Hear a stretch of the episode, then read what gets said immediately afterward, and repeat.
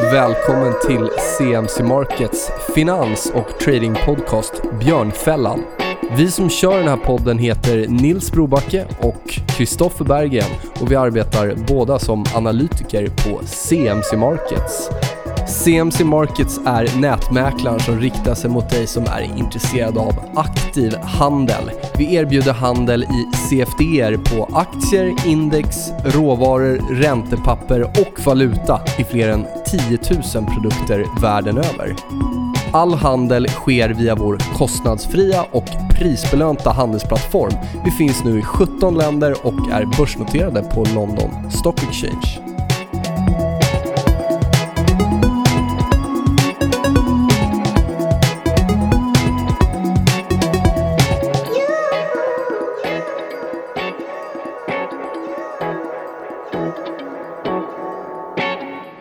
Ska vi hoppa över till vår lokala marknad här i Sverige. Prata lite fastigheter. Man, vi kan se att det har emitterats nästan 40% mer fastighetsobligationer i år eh, hittills än förra året. Eh, bra läge eller crowded trade? Vad väljer ni? Vem ska svara på den här? Ja. Vi har båda samma att svara på den frågan om vem är mer politiskt korrekt. Jag kan eh, berätta så här i mitt eh, förvaltningsmandat historiskt sett så eh, ägde vi genom den institutionen jag var på då direkt ägde vi fastigheter så vi hade liksom equity-delen av kapitalstrukturen. Därför tyckte inte jag det var en bra diversifiering för oss att också köpa fastighetsobligationer. Och det här var då för ett antal år sedan som jag, jag tänkte så. Eh, koncentrationsrisken är jämfört med internationella marknader i den svenska företagsobligationsmarknaden eh, bisarrt stor skulle jag vilja uttrycka mig. Och jag är ändå akademiker så jag brukar inte ha ja, Men ni var ju kritiska redan förra gången. Redan då, ja. Men en del av de här siffrorna är, är, är tyvärr då väldigt, väldigt höga ur ett in, i en internationell kontext. Och det, det ska man se upp med. Sen tycker vi då och det har vi pratat om tidigare också, men att eh, ser man på ett eh, personligt portföljperspektiv. Jag sitter själv då med stor fastighetsexponering genom en fastighet jag bor i. Eh, jag har pensionspengar i svenska börsen som har mycket banker som har exponering mot fastighetsbolagen. Ska jag ta de sista exponeringarna jag har i portföljen och lägga in dem i väldigt koncentrerad fastighetsrisk i obligationsform? Nej, jag, jag, jag, tycker inte från en diversifieringsprofil att det är speciellt, uh, speciellt vettigt. Okej. Den grisiga versionen. Nej, alltså min, min stora problem är marknadsstrukturen. Att, uh, att man har, även om den svenska obligationsmarknaden är liten internationellt sett, så är den fortfarande en stor del av eh, svenska kapitalmarknaden. Och att man inte eh, Eh, från ett Eh, ett vuxet perspektiv kan jag till och med säga. Eh, jag är inte akademiker. Eh, att man, eh, eh, man tar det beslutet. Jag, jag gick till några av storbankerna och sa att jag hjälper gärna till och få igång en repomarknad för företagsobligationer i Sverige. Och en av Head of Trading på en stor svensk bank sa att nej, då kommer priserna flytta på sig för mycket och det vill ingen. Eh, Okej, okay. ja, ja precis. Så att, eh, och liksom man kan ta massor med saker ur en sån kommentar. Eh, men alla de som man tar ur den kommentaren är direkt farliga eh, för marknadsstruktur. Eh, så för mig att ingen har tagit tag i det här eh, från en eh, statlig perspektiv. Att man inte tittar på hur prissätts de här obligationerna. Eh, varför är det så lite volatilitet eh, i svenska obligationer även i krissituationer runt om i Europa? Eh, är det rimligt att just svenska obligationer i samma kapitalstruktur inte flyttar på sig när resten av kapitalstrukturen flyttar på sig? Jag tror inte det. Eh, och att man kan skapa en repomarknad. Vilket är, det är inget farligt med det. Alltså repo är ju super... Alltså det är en av hörnstenarna för kapitalmarknaden är att man ska kunna repa eh, eh sina, sina tillgångar. Eh, och för, för mig, jag förstår det inte. Eh, och jag vet inte om det är okunskap, eh, rädsla, eh, ovilja. Jag, jag förstår uppen, eh, överhuvudtaget inte varför man vill ta sådana risker med en hörnsten i den svenska ekonomin. Är obligationsmarknaden. Eller företagsobligationer. För det är räntemarknaden så kan du repa. Eh, så att jag pratar specifikt till eh, företagsobligationsmarknaden. Och det, det stör mig. Mm. Jag ska inte, det, men det är inte...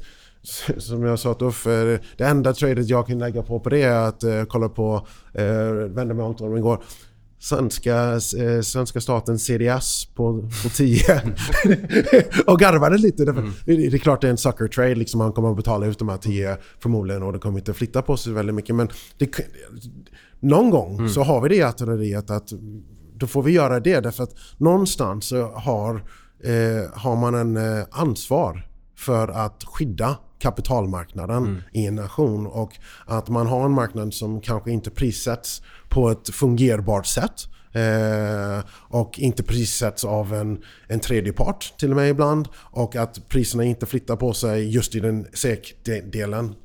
Så vi har ju sett det här förut mm. eh, i ett annat land eh, ja, vid finanskrisen. Ja. Eh, alltså, det, var ju många liknande saker liksom, mm. när det gällde just prissättningen och det. Mm. Men, du säger okunskap eller ovilja, men kan det inte ha att göra med att många sitter i väldigt samma båt och har väldigt mycket att förlora på en större tramp transparens och repomarknad och så vidare. Ja, vem vill gälla, eh, skrika eld i ett fullpackat biograf som ja. alla betalar för dig, betalar mm. dig för att komma in i biografen? Det, man skjuter det på framtiden så hoppas man att det löser sig någon gång när det är oundvikligt att det kommer fram. Jag vet inte. Men det är... Hopp inte förvaltningsstrategi. Nej, men väldigt, rent matematiskt sett så håller du nere vollen så ökar du din sharp ratio och det ser ut som du performar bättre. Så om det finns ett antal aktörer som är intresserade av det så, mm. så har man ju ett intresse egentligen mm. av att underliggande pris inte rör på sig lika mycket. Men sharp kan ju vara fem och det räcker med en blow-up sen så spelar det ingen roll så att säga. Nej, precis. Men, uh, det, är, det, är, den framåtblickande versionen. Ja, det som står på informationsbladen är ju alltid den bakåtblickande uh, versionen. Om vi eh, går över, vi stannar kvar här uppe i de norra delarna så pratar vi lite om high yield-marknaden. Man kan kanske tro att nordiska bolag, och det trodde väl jag också innan jag läste den här artikeln, är ganska, de är genomlysta, det är bra kvalitet, high yield är ändå okej. Okay. Men... Ni har grävt rätt bra på vad vi tycker, eller? Kan det vara så att det finns andra åsikter där, eller? Jag, jag, jag, ska börja, jag ska vara återhållsam här därför att det, det, det, det behöver jag vara på den här frågan. Men för mig, när man läser många faktablad och så vidare. Vi investerar bara i trygga nordiska bolag. Varför är nordiska bolag mer trygga än andra? Kan berätta? Mm. Sarbanes-Oxley. Mm. Det är en lag som är, VDn är personlig ansvarig för räkenskaperna är rätt. Sån lag finns inte i Norden. Det finns, det finns Trace, du kan se var saker och ting handlar Nordiska bolag är, är inte mer trygga än några andra bolag. Eh, så att eh, eh, kanske folk ska börja titta på det därför att om man säger trygga nordiska bolag så jämför man kanske med några andra bolag mm. och de är inte mer trygga. Eh, och sen det fanns en Bloomberg-artikel som jag, era lyssnare borde gräva upp och, som jämförde Nordisk High Yield med eh, Monaco. Eh, så att det var eh, kasino. Eh, jag, jag har inte varit i marknaden tillräckligt mycket för att ha någon åsikt från det ena eller det andra. Men jag kan säga att det finns ju väldigt mycket lägre rapporteringsskyldighet och, och så vidare eh, när man emitterar i Norden. Eh, så att jag skulle vilja säga att den här påståendet trygga svenska bolag är när det gäller rapporteringsskyldighet, ratings. Eh, om S&P och Moody's ratear dig, vad innebär det? Det innebär att andra parter som inte är involverade i transaktionen har en åsikt. Så att en stor del av den svenska företagsobligationsmarknaden är icke-ratad eh, och mindre skyldighet att rapportera eh, viktiga saker om, eh, om vad, vad som försiggår i bolaget. Det säger till mig mindre trygga mm. bolag, inte trygga nordiska bolag. Det här är väl något som utländska investerare också uppmärksammar? Men ja, det är därför de, inte de, de är ju inte på köpsidan Det är bara som där, köper. Utan det är ju private banking-lådorna och ja. fonderna här omkring. Ja, liksom. ja precis. precis. Det, och eh, för mig som, som amerikan, och folk får bli ledsna när de hör det, men för mig är det, det är inte okej. Okay.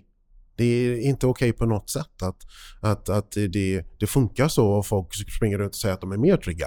Men svenskar är ju bäst på att slå sig för bröstet och tycka att vi är bäst på Ja, mycket, det- som vi kanske inte är. Ja, det är därför jag fick inte en intervju när jag ska flytta tillbaka till Sverige. Ingen, det är bara Ulf som vill sitta bredvid mig. Nej, men det, det, var inte det. Det var inte så att det, det, det var så. Men vad jag försöker säga är att eh, man, man är rätt rädd för det man inte vet. Eh, och man tar inte reda på det man inte vet. Man tror att man vet bäst. Och det är det problematiken i Sverige. Att eh, om man har varit i utlandet och sett de, de här reglerna. Men jag tradade WorldCom. Eh, och Enron liksom i krisen. Jag, jag vet liksom, och jag vet regelverken som kom därefter. Inte så att USA har inte skandaler eller England har inte skandaler och, och så vidare. Och det är inte likviditetsproblem. Bostadsfonderna efter Brexit var tvungna att gata.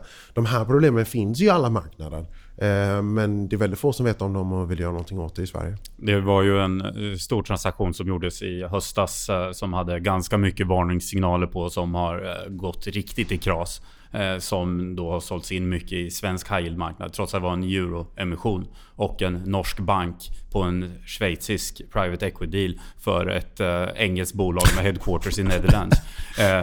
Transparent. där- eh, transparens. What could go wrong? Det här är det vi pratar mycket om, governance-faktorn och del av ESG och sånt som brukar uh, bore the hell out of people. Men governance är superviktigt, speciellt som kreditinvesterare. Du behöver förstå vad som står där. Och i den här dealen, där var det väl på sidan 106 i prospektet där det stod att den equity-delen utav eh, den här dealen egentligen bestod utav goodwill snarare än utav hard cash. Det är en ganska viktig del om man ska då ligga ovanför där i trancheringen. Ehm, så att, och, och problemet där var att det var en single lead också på den dealen. Så att det var inte flera banker som läste prospektet och jobbade igenom det här. Utan det var faktiskt bara en som gjorde det. Och det där är en klubb... Eh, känsla som inte blir speciellt eh, bra i slutändan. Det är också så här, nationalekonomisk forskning ofta att visar ofta att beslut i kommitté i genomsnitt blir bättre för att man tar bort varandras avarter och varandras största misstag. Och därför det ofta finns i obligationsdeals en, en, ett syndikat med flera banker som går igenom de här grejerna. Och när man bara drar bort en del av de här grejerna så händer det lite olyckor som det gjorde i det här fallet. Och, och som tyvärr då träffade väldigt mycket svenska high yield-investerare. När det var här i höstas så pratade vi just om high yield. Jag nämnde att jag brukar gilla att använda den som en indikator för risk on och risk off för börsen. Eh, och det har förvisso funkat på eh, kort sikt om vi tittar sen dess. Alltså när det varit riktigt stökigt eller blivit dragdrag, då, då, då har man sett den korrelationen. Men om vi zoomar ut och tittar sen i höstas, då står S&P en bit upp men HUG står faktiskt eh, en bra bit ner och testar väldigt viktiga nivåer nu eh, enligt mig om man tittar på den tekniska analysen. Varför ser vi en, en diskrepans där och vad, vad kan det bero på? QE. Att eh, nu ska saker och ting prisas till rätt nivå utan handpåläggning av amerikanska riksbanken. Och där man framförallt ser det här är faktiskt investment, eh, investment grade corporate bonds i USA har det ju varit eh, något av de sämsta första halvåren här egentligen som man sett under senaste decenniet tror jag. Eh, och det är nästan en, stark, en väldigt stark koppling mellan investment grade och eh, de stora kapitalstrukturerna som ofta sitter i de stora breda aktieindexen också. Det är helt enkelt så att det blir dyrare att låna pengar för att göra share buybacks för att fund dividends och hela den här aktiviteten och då gör man mindre utav det och det är mindre support för, för aktiemarknaden då också. Så jag tror att den divergensen det brukar, eh, brukar komma ikapp så småningom. Så. Ja, vi pratade om den nordiska high yield-marknaden. Om vi kryper ner lite till den europeiska så är det ju... Man får ju inte så bra betalt för kanske den risken man tar när man investerar där. Vad, vad är er syn på det hela? Kommer man kunna få så bra risk som det går nu när vi var inne på ECB och Italien och så vidare? Eller är det kört där tills ECB flyttar på sig och man då kan få som USA liksom en korrekt inom citationstecken prissättning? Vi har tagit lite perspektiv. Vi håller med om att eh, värderingar i cash är rätt så... Alltså cash-obligationer, de obligationer du köper, är rätt så eh, höga som det ser ut nu.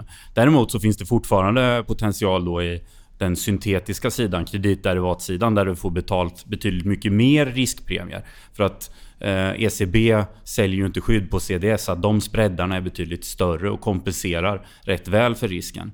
Det är en, en, eh, en relativ, ett relativvärde som, som, finns, som finns där. Eh, om man skulle vara tvungen att köpa en obligation i high yield i Europa så vill vi i det fallet ner kapitalstrukturerna på bankerna.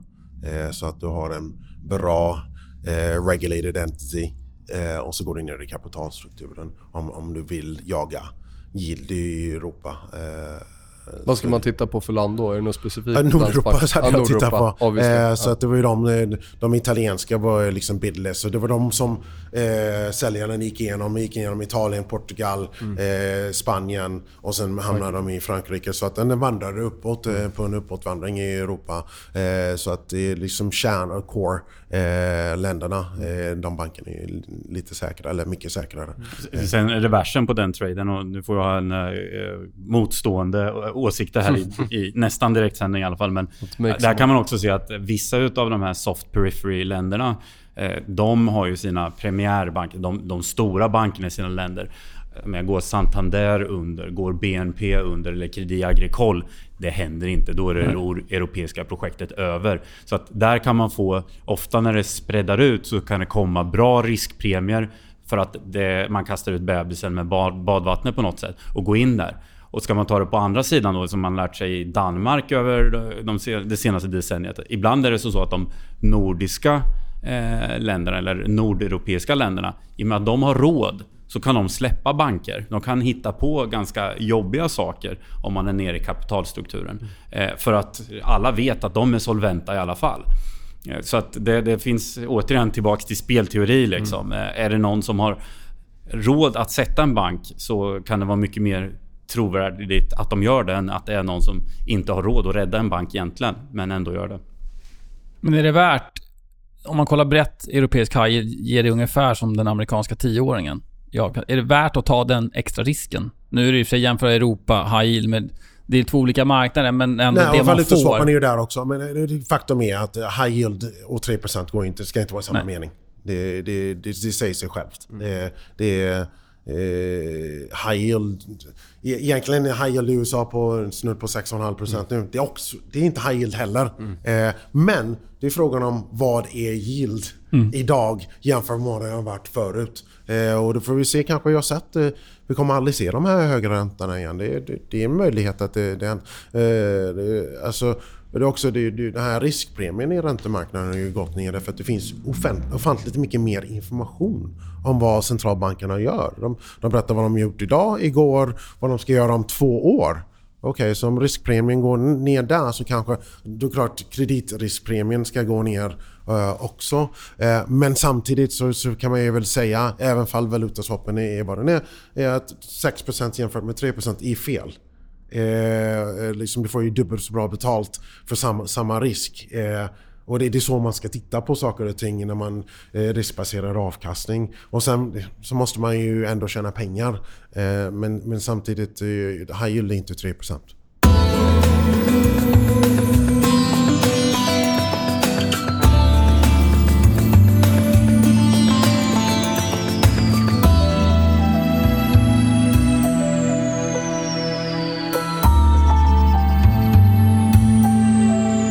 Nu vet jag att ni inte får diskutera specifika positioner då. Eh, men om vi tittar tematiskt, vad är det som lockar ert intresse där ute? Vi tror ju att eh, avrullningen utav ECBs och eh, de stora europeiska kvantitativa lättnadsprogrammen där man har köpt företagsobligationer och andra statsobligationer. Att det kommer ge upphov till en hel del omprisningar relativt vissa Eh, Eh, tillgångsklasser. Så det är jättespännande tematik att titta där mellan statsobligationer, mellan swapräntor, mellan high yield investment grade, mellan senior financials, eh, bankobligationer och subordinerat kapital och gentemot eh, aktiemarknaden och försöka fundera ut där egentligen. Vad betyder det när ECB inte längre ger den här impulsen genom att köpa så mycket obligationer hela tiden. Där kommer det dyka upp teman, det kommer dyka upp volatilitet och det är någonting som vi har liksom eh, väldigt stort fokus på just nu. Och, och sen är det här hela... Eh, det som eh, våra investerare tycker är intressant och varför vi jobbar tillsammans. är... Ulf kommer från en kvantitativ bakgrund och Eh, förvaltar förvaltat pengar eh, eh, för AP4 och med en längre sikt så kommer jag från tradingsidan. Eh, och eh, liksom, man måste slåss varje dag för att tjäna pengar. Eh, och, och vi har sett att det har funkat, att, att vi kör med de här tematiska trading. Och sen sitter jag på kontoret, om ni står utanför grubblan kan ni bara ropa. Jag sitter där klockan 11 på kvällen och hör hur alla har roligt. Men jag sitter och tradar den amerikanska marknaden med det kontaktnätverket som, som, som vi ändå har. Att, att vi, vi försöker skörda varenda baspunkt som vi kan från 8 på morgonen till 11 på kvällen. Eh, och eh, det ska man inte underskatta, de möjligheterna som, som vi har kunnat plocka upp. Och ett perfekt exempel, eh, det var en eh, stor amerikansk bank som gjorde en emission och vi fick en 100% tilldelning på någonting som det fanns inte en chans i helvete att en nystartad hedgefond som sitter på Grev Turegatan ska få en 100% tilldelning. Men de, de vill göra, liksom visa framfötterna för mig. Och, men det är ju, relation, det är ju dina relationer som gör det. Ja, ja, ja. ja. Liksom, de har ändå betalat en del av de sjusiffror i dollar. Det är kul om man kan få en allokering i slutändan.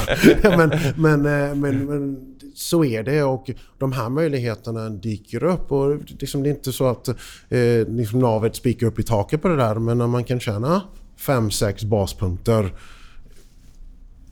i noll, det är aldrig nollrisk, men väldigt låg risk på en nyemission. Det, det, varför ska man inte göra det? Och sen att vi har möjligheten med vår Rolodex att vi, eh, att vi får de här tilldelningarna. Att, eh, att eh, det var vi fick en tilldelning på en eh, high yield-obligation från en annan stor amerikansk bank och den var låg. Och, eh, när han som var ansvarig för det upptäckte att det var jag, han, han skickade mig en IB och bad om ursäkt. Han skulle, liksom, jag skulle sagt till honom. Men vi är så små, jag vill liksom pinga liksom, syndicate-chefen på en stor amerikansk bank. Jag vill ha min miljon. liksom. eh, men men att, att vi har den här kontaktnätverken. Vi har traderserna som pingar mig hela tiden. Jag tycker om den här femåriga gentemot den här sexåriga. Jag tror att vi kan tjäna lite pengar pengar på det. Och, om att man gör lite sådana här trades, att plocka upp två baspunkter här och fem baspunkter där. Jag, jag, tror det är viktigt att kontrastera vad vi mm. gör i obligationsmarknaden på det sättet. För vi sitter ju i en kontinuerlig IPO-marknad egentligen. Mm. Det kommer ju nya saker som vi ska ta ställning till eh, varje dag. Eh, 15-20 nya deals egentligen. Och det är ganska stor skillnad på att vara obligationshandlare jämfört med att vara om man är ja, aktiehandlare eller aktie, så där, portföljförvaltare. Där man har en IPO varannan vecka att ta mm. ställning till. Eller inte speciellt ofta i alla fall. Men hur många av dem är man med på då? Säg att ni får 15-20 förslag på en dag. Vad, vad tar man? Liksom? När, jag har ledat marknaden hittills så har jag varit med på två, tre stycken om dagen. Ja. Men där är ju också vad vi tycker liksom i vår fond är en fördel är att vi kan jobba på breda marknader. Att vi kan titta både i dollarmarknaden, euromarknaden, svenska marknaden och även i sterlingmarknaden och titta på det som kommer upp där. För ju fler möjligheter, desto lättare har man att välja de intressanta tradesen. Eh, vi pratade om svensk eh, företagsobligationsmarknad tidigare och där ser man ofta att det kommer inte så mycket emissioner. Kommer det fastighetsobligationsemissioner så är man väldigt tvingad till att köpa det. Om inte annat för att man håller på att dö av uttråkning annars. Om man inte får eh, hålla på i marknaden. Liksom. Så att det är väldigt bra att exponera sig mot mycket. Jag gick in, jag var lite uttråkad häromdagen klockan 10 på kvällen. Och det var, det är också börjat konstatera att kanontiming att starta en hedgefond är liksom den bästa svenska sommarstarten någonsin. så sitter man liksom högst upp där, det är varmt, man har balkongdörren öppen och man hör hur folk bara festar järnet nere på gatan. Murphy's Men jag satt där och tyckte lite synd om mig själv. eh, eh, vilket man inte ska tycka när man har precis fått starta en hedgefond. Det är en oerhört eh, rolig grej att få göra och ett stort ansvar som man har fått. Men så satt jag så gick jag tillbaka, jag tror att siffran var typ 2 triljoner obligationer har handlats de senaste fyra månaderna i USA. Eh, jag kan ha fel, men det var, det var något, jag kan ha fel på Men det, det, det, det är så mycket handel som sker hela tiden och eh, vi, vi har en möjlighet att plocka upp pengar. Och liksom, I'm not too proud. Ligger det två kronor på marken. Mm. Liksom, jag är fortfarande bara 45, jag kan böja mig fram och plocka upp dem. Uh, och och det, det är lite Argeneta. Jag tror det nyemissionerna hittills den här månaden är strax över 100 miljarder dollar. eh, som, som vi får ta ställning till. Och det är bara dollarmarknaden. Eh, så att vi, vi får ju de här möjligheterna och den här al alfan som man kan generera eh, av det eh, är, är fantastiskt bra. Det är inte alltid man kan göra det. Eh, Nyemissionsmarknaden i Europa är inte särskilt frisk nu. När de kommer så så, så, så, går de isär efteråt ofta. Mm. Så att, eh, man får ju, men att vi är globala så har vi möjlighet att vandra runt och plocka upp småslantar, dika mellan soffkuddarna och kolla om det finns lite slantar här. Plocka upp lite. Ibland eh, upptäcker man att man böjde sig efter en enkrona och egentligen så var det att man böjde sig efter tvålen som till och med i golvbrunnen. men det är så livet är. Det är bara att bita ihop och hoppas det blir bättre nästa gång. Ja. Men det är också men en, en sak som, som man lär sig prata om störningar. Eh, att när man är i nyemissionsmarknaden och har fingret på pulsen så upptäcker man väldigt snabbt om pulsen har liksom att patienten håller på att dö. Att liksom okej okay, det, här, det här känns inte bra. Jag trodde jag köpte en jäkligt billig obligation och den gick ner i pris. Okej, okay, vad, vad, är det som händer? Eh, liksom, jag har inte fått liksom, eh, full risk på i böckerna men det är oftast mm. när man sitter på och tuggar på det här att man får väldigt mycket information. Man vill mm. ha tentaklerna ut så långt som möjligt och den informationen kommer tillbaks till Ulf och mig eh, på olika sätt. Eh, och det, det, det, man får mer information eh, desto många, mer timmar man är i marknaden och sen sitter vi och jobbar stora delar av dagen tillsammans och, och, och jobbar igenom vad vi tycker och, och sen eh, ja, gör vi det bara. Det är liksom investeringsprocessen är rätt enkel för oss. Det, vi, vi kan det vi kan och vi fokuserar på det. Det är därför vi inte tar valutarisk eller eh, ränterisk. Vi fokuserar på det vi är bra på och vi gör det så jäkla mycket som vi kan. Mm. Om, man får, om ni börjar få den känslan att det är någonting som är lite annorlunda där ute. Det ser inte ut som det gör i vanliga fall. Snurrar ni om någonting i strategin eller tänket? Absolut. Ja. Och, den informationen är ovärderlig. Ja. Och det, det, är liksom, det är baserat på den känslan av alla år eh, och sitta där och känslan för vad som har varit och vad som har det har förändrats till då? Men man kommer ihåg liksom lite som i årgångar ska jag vilja säga. Okej, okay, men det där känns som det där. Som när vi satt igår eh, och bara okej, okay, nu har någon liksom dustat av liksom PIG eh, 2011 playboken. Mm. Eh, och det, det, gick på en dag. Ja. Men det var liksom, Tyskland var inte inne och så vidare. Så att det var liksom låglikviditetsdag. Men ja, man har ju lite årgångar och lite R eh, och lite gamla skador som man kommer ihåg. Eh, och liksom smärta är en bra lärare. Jag tror vi pratade om det förra gången. Jag är inte säker, men den här äh, kort VIX sågs ju som den här steamroller trader när man gick och plockade fram småmynt framför en, en ångvält. Mm. Eller hoppande snurrsparkar. Ja, det också. Eh, men ser ni någonting i marknaden där, där liksom det flödar in pengar, det ger ändå en okej avkastning, men som är egentligen helt idiotiskt för den kommer smälla till? Mm. Önskar att jag hade satt tillbaka sådana. Eh, det var bara något som dök upp när ni började ja. prata om massa småmynt och såna grejer. Så kom mm. det upp här att... Ja. Vi, vi, ska ju komma ihåg att det finns eh, mycket fixed income-investeringar. Jag tror vi nämnde den obligationen när vi var här senast som eh, hade en fast 0% i kupong. Eh, emitterades på ett pris av 100,48. 100. Den traden kommer ju aldrig bli riktigt bra. Även som Om vi säger så. Åh fan. Men flödar in massa pengar i den?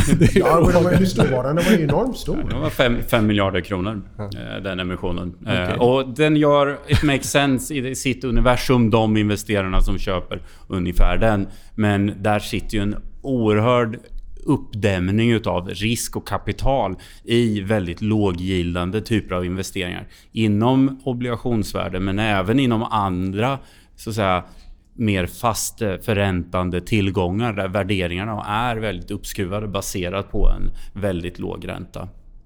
Väldigt låga avkastningskrav. När det var i höstas så pratade vi en del om gröna obligationer. Eh, vi måste följa upp det också. Vad har hänt? För det är en marknad på frammarsch. Det är en väldigt spännande marknad. Det är Marknad i tiden. Ulf är ju liksom gröna obligationers fader, för er som inte vet om det. Ung sådan.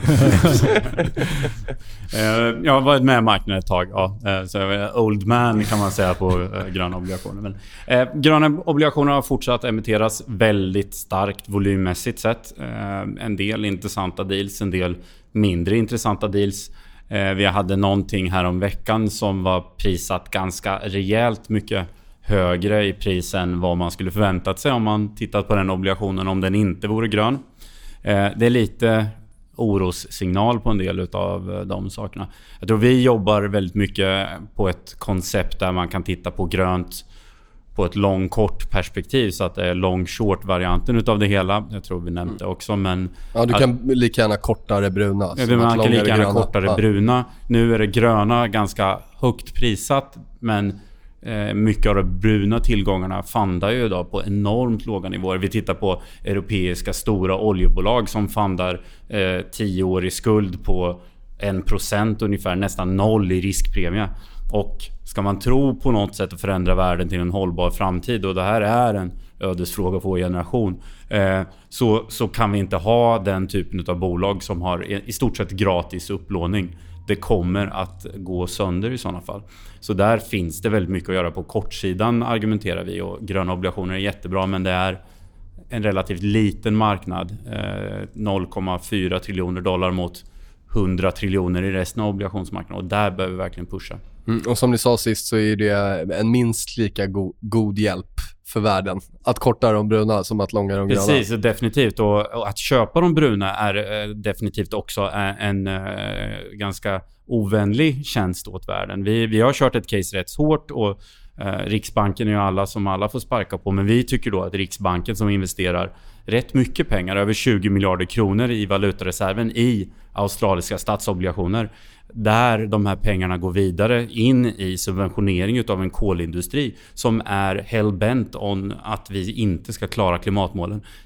Vi ser inte logiken i den investeringen faktiskt och vi tycker att det är någonting man borde disinvestera ifrån. Och sådana trades kan vara viktigare till och med än att man köper x antal miljarder gröna obligationer i andra investeringsböcker.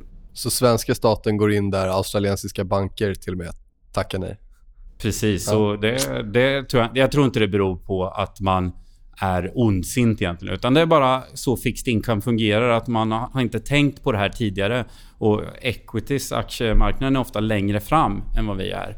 Eh, och där behöver det förändras. Det är väldigt viktigt att förstå också kontrasten då, som, som obligationsinnehavare. Du äger risken. Du lånar personligen ut pengar till mottagaren utav eh, den här obligationsemissionen.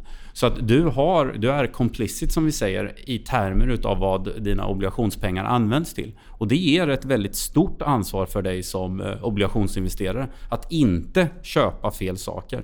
För by the end of the day ska vi ha våra barn och fråga oss men varför köpte du och jag genom svenska staten australiska statsobligationer när de grävde upp så mycket kol så de kunde eh, rasera hela Parisavtalet eh, på egen hand. It doesn't make sense.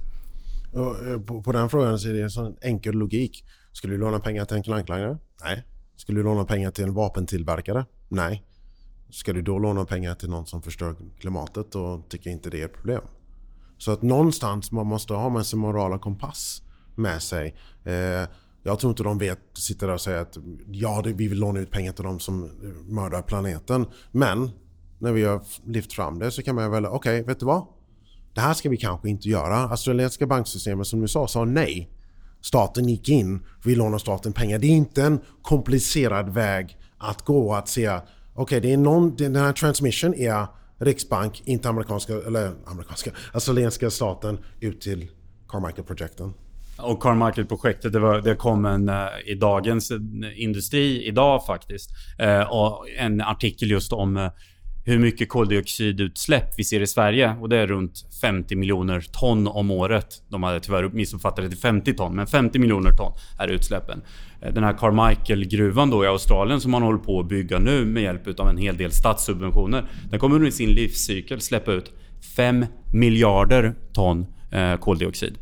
Mm. Eh, så vi räknar våra 50 miljoner ton och vi diskuterar flygskatt och sånt och sen räknar vi med att vi investerar i obligationer som används för ett 5 miljarder tons projekt. Då gäller det att börja då är det ju bara semantik allt det här. Alltså jag menar, då, då, spelar det egentligen inte så stor roll. Det spelar stor roll. För att det som är, och det är spännande ja. med obligationsmarknaden. Jag går tillbaks lite till varför obligationsmarknaden är så fantastiskt cool ibland. Låt säga att några stora institutionella investerare börjar disinvestera från australiska statsobligationer. Det kommer att börja flytta eh, på australiska statsräntor. För det här är några stora investerare. Norges eh, Oil Fund eh, och svenska institutioner och en del eh, holländska pensionsfonder. De är tillräckligt stora för att göra det här. 15-20 räntepunkter senare i australiska statsräntor så är Carmichael-projektet inte economically viable längre. Det är en minuskalkyl och man kommer inte fortsätta med det. Då kan vi få 5 miljarder ton koldioxid offline genom att investera rätt. Och det kanske kan börja på Brunkebergstorg i att man säger att FX-reserven ska inte in i det här djupbruna eh, pappret egentligen. Och det är en fantastisk möjlighet. Någon måste liksom ta startskottet. Eh, och vi tycker att Sverige som är så framåt med, med började med gröna obligationer, att, att vi är så pass miljömedvetna. Säger vi i alla fall, men ja. uppenbarligen inte. Nej, ja, men ni gillade ju SEB sist. Ja, de hade gjort det. Det är inte... Det är ok, alltså de, de har ja, inte tänkt, de har inte tänkt de igenom... Brett. Ja, men nu vet de. Ja.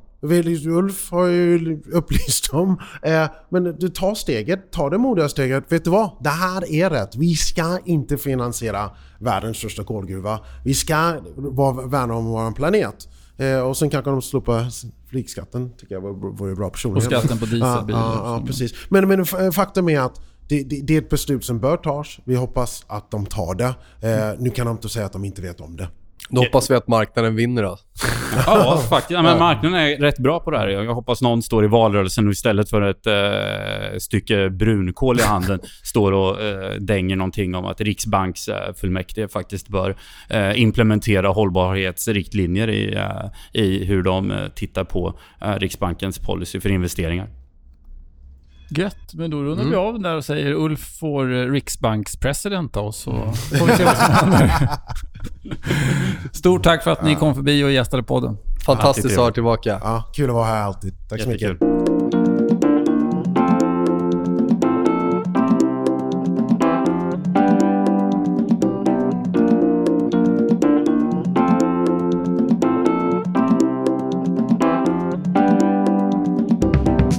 Sådär, avsnitt 50. Riktigt schysst.